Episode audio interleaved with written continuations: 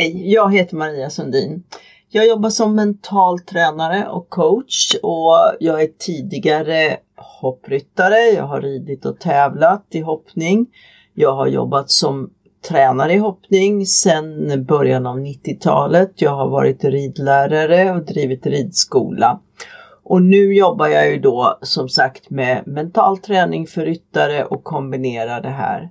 Jag tycker att det här är jätte, jätteroligt. Eh, det är så fantastiskt kul att eh, träffa glada ryttare som lär sig förstå sin häst bättre, att prestera bättre på banan och att känna sig nöjdare med det de gör.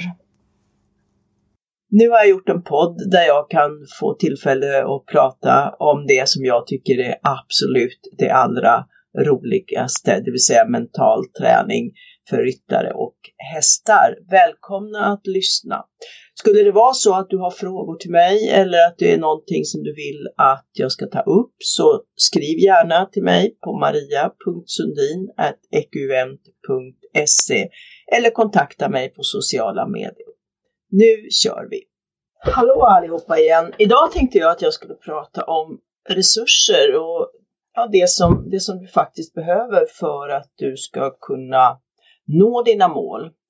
Träning är, är ju en av de resurserna som vi oftast tycker är det viktigaste, men det finns ju faktiskt ganska mycket mer.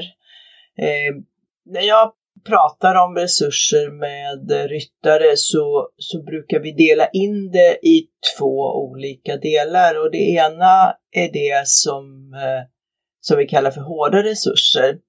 Och det är ju det som du oftast tänker på när det handlar om vad är det jag behöver. Och de enklaste sakerna där det är ju eh, tillgång till en häst. Och det kan vara tillgång till träning någonstans där hästen kan bo. Och det kan vara ridbana. Och det är utrustning. Och det är transport.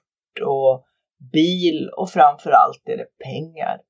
Och alla de här delarna är någonting som vi ofta lägger väldigt mycket tanke på och konstaterar vad, oftast då vad vi inte har för någonting. Och eh, om man jämför då och tittar på vad du har och vad en ryttare på högsta nivå har så skiljer det sig egentligen inte så mycket.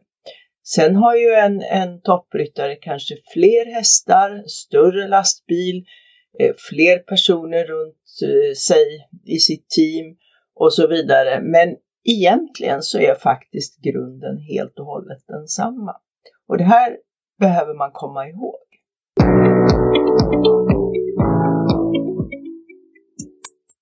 Vad det gäller då den andra sidan, mjuka resurser, så är det ju faktiskt det som kommer att göra att du når ditt mål. Och mjuka resurser, vad är det då? Ja, det är ju din envishet, din motivation, din vilja, din kunskap och ytterligare massor med, med egenskaper, din nyfikenhet och så vidare. Det är ju det som kommer göra att du når ditt mål. De flesta av oss vet ju att det går att köpa en fin häst om du har gott om pengar, men att i och med det är det inget, inget, det är inget säkerhet till att du faktiskt kommer att nå framgång och nå ditt mål. Och det finns många exempel på dem som inte ens äger en egen häst men ändå rider på absolut högsta nivå. Så att eh, när du funderar just på resurser så, så se inte resurserna som ett hinder utan konstatera bara vad är, vad är det jag behöver istället för att titta på det du inte har.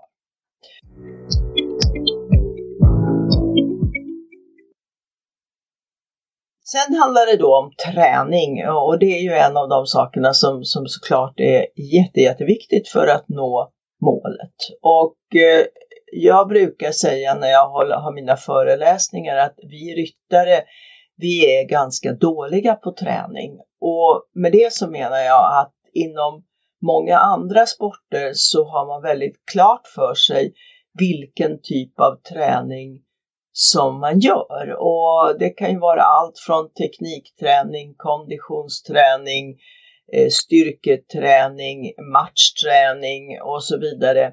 Men vi, eh, vi, eh, vi bara rider.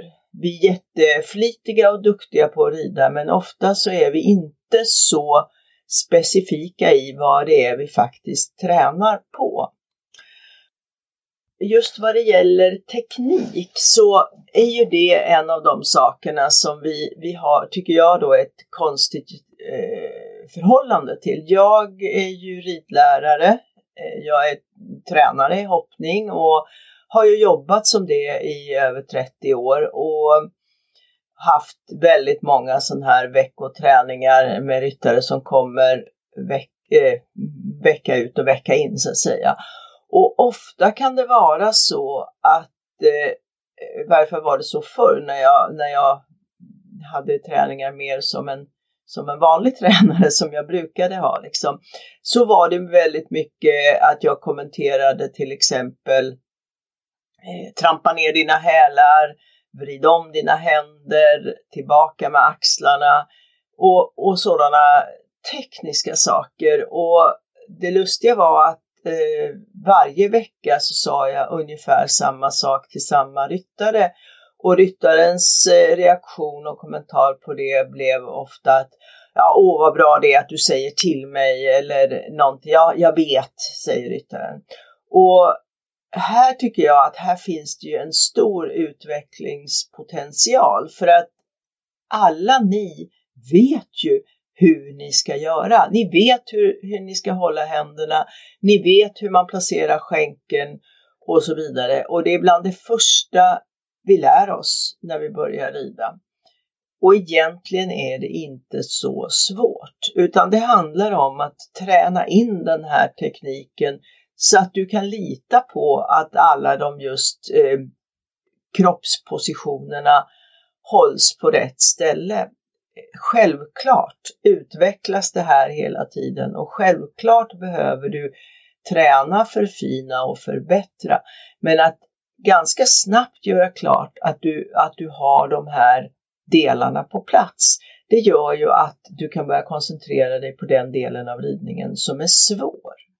Anledningen tror jag att vi fokuserar så mycket på eh, just den här tekniken och på att rätta de här positionsdelarna, det är ju att den svåra delen, den är väldigt, väldigt svår att lära ut.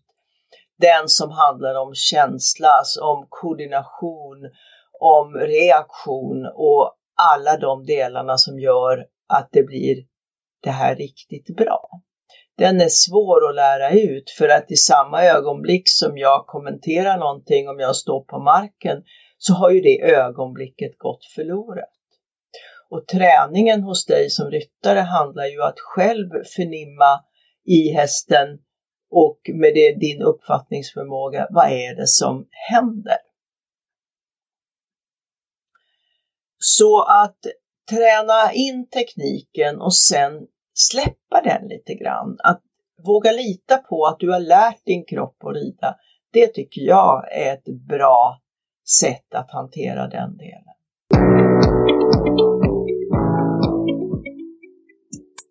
Nästa del som jag tycker är väldigt viktig och som jag eh, kan prata mycket om, det är balans. Eh, det fungerar ju så med balans att i din hjärna så har du en, ett balanssinne som talar om för dig hur din kropp är, eller framförallt hur ditt huvud är beläget i förhållande till, till omgivningen. Och om det är obalans här och det känns ostadigt, då talar balanssinnet om det för dig och ber dig att rätta till kroppen så att det känns bra igen. Och det här kan då spela oss lite spratt när vi sitter på hästen. För att eh, när du sitter på hästen så kan man säga att du är ju som en ryggsäck uppe på hästens rygg och eh, balanserar där uppe. Det är också så att din hjärna får ju då signaler från hur hästen befinner sig under dig och om din hjärna signalerar obalans så reagerar ofta vi som ryttare med att eh, ta tag i tyglarna, gärna bromsa hästen för att få ner tempot och vi känner en bättre balans. Det som vi inte alltid tänker på i hastigheten där, det är ju att det är ju faktiskt hästens balans det handlar om. Det är ju hästen som ska hitta sin balans och det gör hästen. Alla hästar hittar sin balans, annars skulle de ramla omkull hela tiden. De har ju naturligtvis sitt sätt, men eftersom hästen har fyra ben och vi inte vet hur det känns att ha fyra ben så behöver vi också lära oss att ignorera den här lilla stresssignalen från ditt balanssinne att rätta till saker och vänta några mikrosekunder tills hästen har hittat sin balans. Varför är det här viktigt då? Jo, för att jag tror att om vi ska kunna utföra eh, svåra dressyrrörelser eller hoppa höga hinder så är det viktigt att hästen är i sin balans, inte rättad på din balans. Och om ju bättre balanstränad du är, desto mindre reaktion får du från ditt balanssinne därför att det klarar mer rörelse innan det reagerar och blir inte lika stressat av, av en, en rörelse som inte är exakt i linje med din, eh, ditt balanssinne. Så därför så tycker jag att balans är en väldigt viktig sak att träna på. Och det kan du ju göra på en mängd olika sätt. Det finns balansplattor, pilatesbollar att sitta på som är väldigt likt att sitta på en häst och många andra sätt. Det klassiska, stå på ett ben när du borstar tänderna. Alla de här delarna kommer att göra att du blir en bättre ryttare. Och en bonus som är absolut viktig det är att när din balans ökar, när ditt balanssinne stretchas så ökar också ditt självförtroende. För det första som händer när en ryttare kommer ur balans, det är att den blir spänd i kroppen. Och det vet du ju, det har jag ju pratat mycket. Vad händer när ryttaren blir spänd i kroppen? Jo, hästen blir också spänd. Och det som händer när hästen blir spänd, det är att den har också svårare att hitta sin balans. Så att det är många vinster i detta.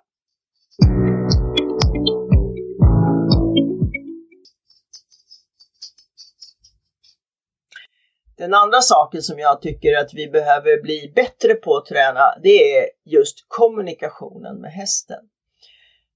Att hästen förstår dina signaler och att du förstår hästens. Och ansvaret för det här, det ligger ju hos dig som ryttare. Det är du som behöver fundera ut hur du ska förstå hästens signaler och hur du ska agera på dem.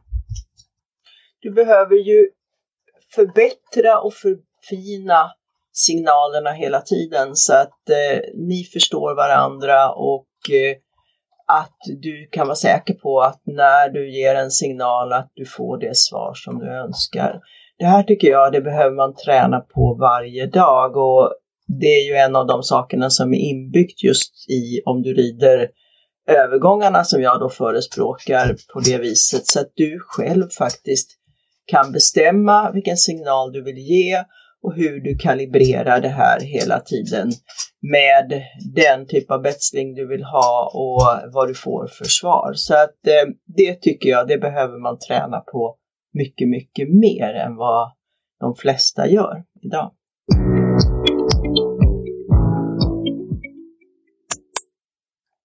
Den tredje saken som jag tycker är viktig att träna på också, det är det som jag kallar för oönskade händelser och jag brukar definierar det på det viset att eh, om du har varit på en tävling och åker därifrån och tänker att om inte det där hade hänt eller om det inte hade stått en funktionär i vägen eller om det inte hade stått eh, en gubbe utanför med paraply eller någonting om inte det hade varit, då hade det här gått jättebra. Och så fort du har någonting sånt som, som har hänt så kan du faktiskt träna på det. Och det gäller ju bara att eh, fundera ut hur tränar jag på detta och hur, hur arrangerar jag det så att säga. Och det, kan ju, det är ju inte någon jättesvår sak att till exempel eh, be några personer att stå runt om ridbanan när du tränar med paraplyer som de fäller upp och ner.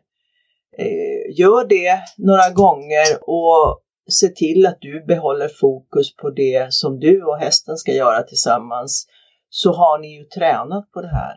Det betyder inte att din häst aldrig kommer att reagera för den här sortens störningar. Men det betyder, det händer någonting med din hjärna därför att när du vet om att du har tränat på det här så kommer du att vara lugnare, du kommer ha lättare att fokusera på det ni faktiskt ska göra, det som är viktigt. Och då blir också resultatet av det hela bättre. Så att eh, fundera ut eh, vad det är du behöver träna på. Många, många gör så här att när man åker från tävlingen och så har det hänt någonting som, som var oönskat helt enkelt. Så glömmer man lätt bort det och sen nästa gång man åker på tävling då så tänker man hoppas inte att det är på det här viset. Och det kan ju vara allt från att det är trångt på framhoppningen och att du får svårt att eh, fokusera. Det kan vara, det kan vara allt med att det börjar regna till exempel. Många väljer ju att om det regnar så går man in i ridhuset istället för att, att träna på utebanan. Välj att träna på utebanan så är du förberedd. Eh, är du orolig för att hoppa på gräs, ställ upp ett hinder i hagen och hoppa på, på gräs varje dag lite grann.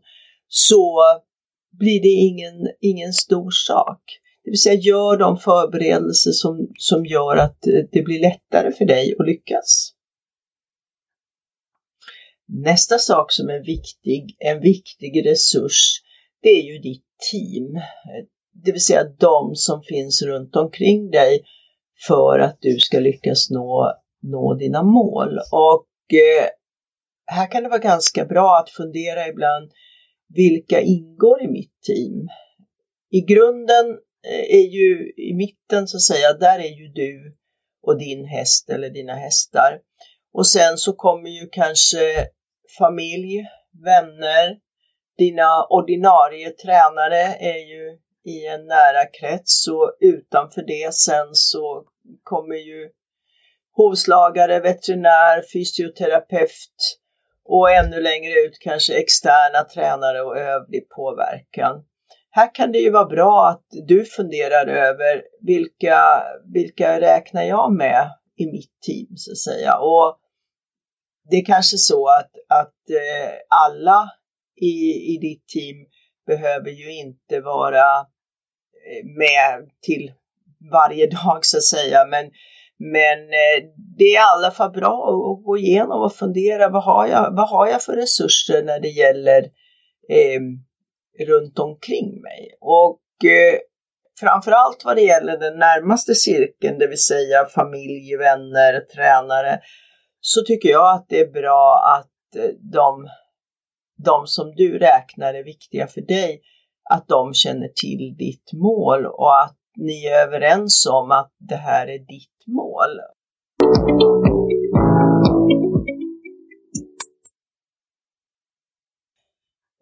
Sen, eh, sen bestämmer man ju hur man vill förmedla det här och, och jag brukar säga att man kan vara lite försiktig med att berätta om sitt mål för alla, utan de du vill delge ditt mål, det, det ska vara de du litar på och som du vet vill dig väl. Alltså de som vill att du ska uppnå det hela.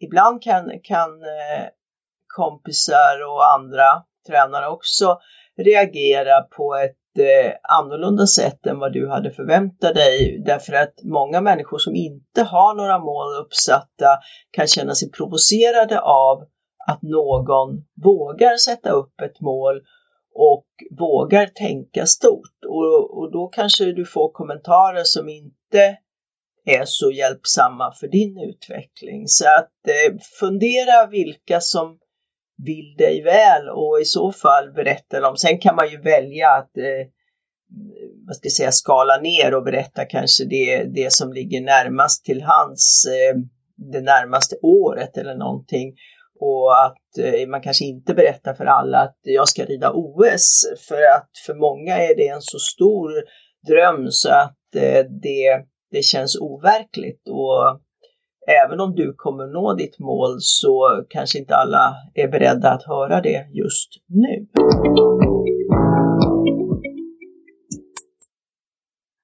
Hur det går till på tävling och så, så tycker jag att det är väldigt bra att man eh, pratar igenom det hela med de som är med dig på tävling. Att, eh, för här är det också viktigt att är man ung så förändrar sig det här över tid. När du eh, att vara som förälder med en ung ryttare som är kanske 9-10 år är ju en helt annan sak att vara förälder med en ryttare som är 19-20 år. Och det är viktigt både för ryttaren och för föräldern att man uppmärksammar och är med på den här förändringen som sker över tid.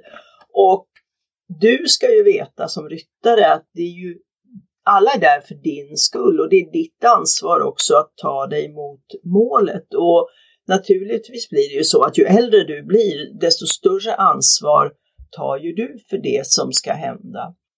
Och här är det också viktigt att man då Eh, innan planerar hur, hur, vill, hur ska det gå till? När eh, tar vi ut hästen? När, hur, när värmer vi upp hästen? Eh, när vill jag börja hoppa fram om jag ska göra det? Och vilken hjälp vill jag ha? Vad vill jag att mina medhjälpare säger? Vad vill jag att de gör?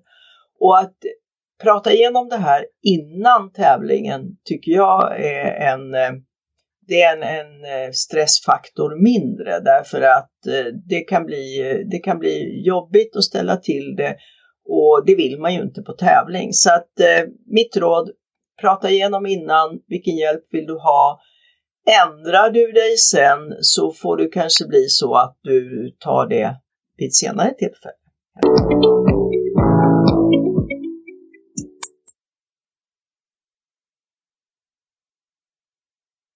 Den sista delen av det som jag tänkte prata om idag då eh, med resurser, det tycker jag ju är en oerhört viktig del både för din träning och för att hålla din, ditt mål levande och vad det är du behöver för det.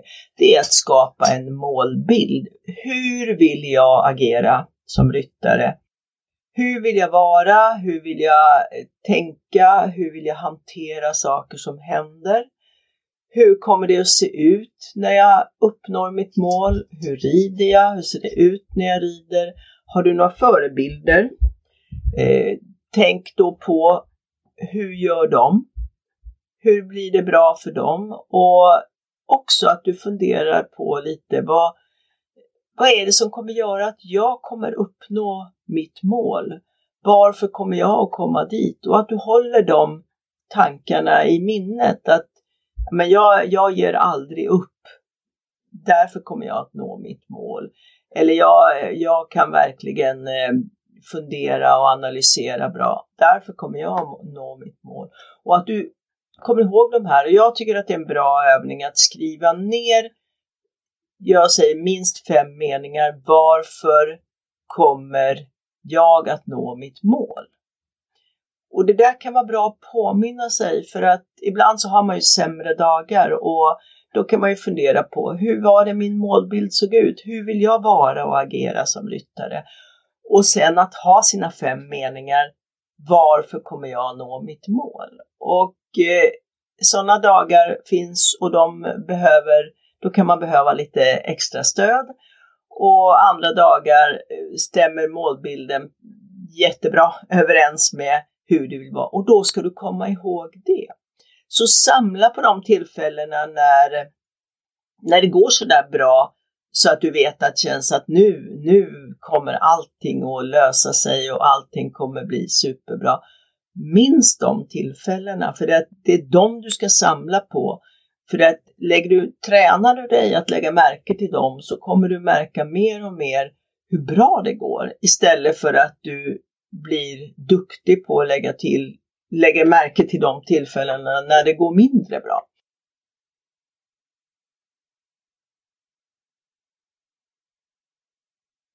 att ha en målbild av hur det ska vara och har du tillfällen när, när det är så, försök att få en bild eller en film eller någonting och ha den och titta på då och då för att påminna dig själv, ja men sådär så där bra kan det se ut när jag rider och sådär bra kan det kännas och ha med dig den delen.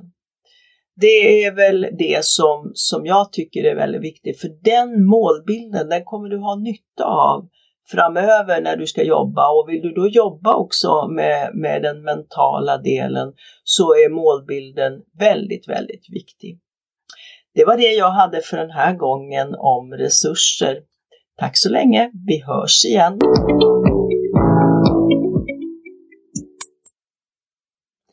Tycker du att det är spännande och roligt att, att höra talas om det jag gör och, och, så, så följ mig gärna. Jag eh, har mina hemsidor www.ekuvent.se eller www.sporre.academy som är mina hemsidor. Jag finns på Instagram sporre.academy eller Maria Sundin.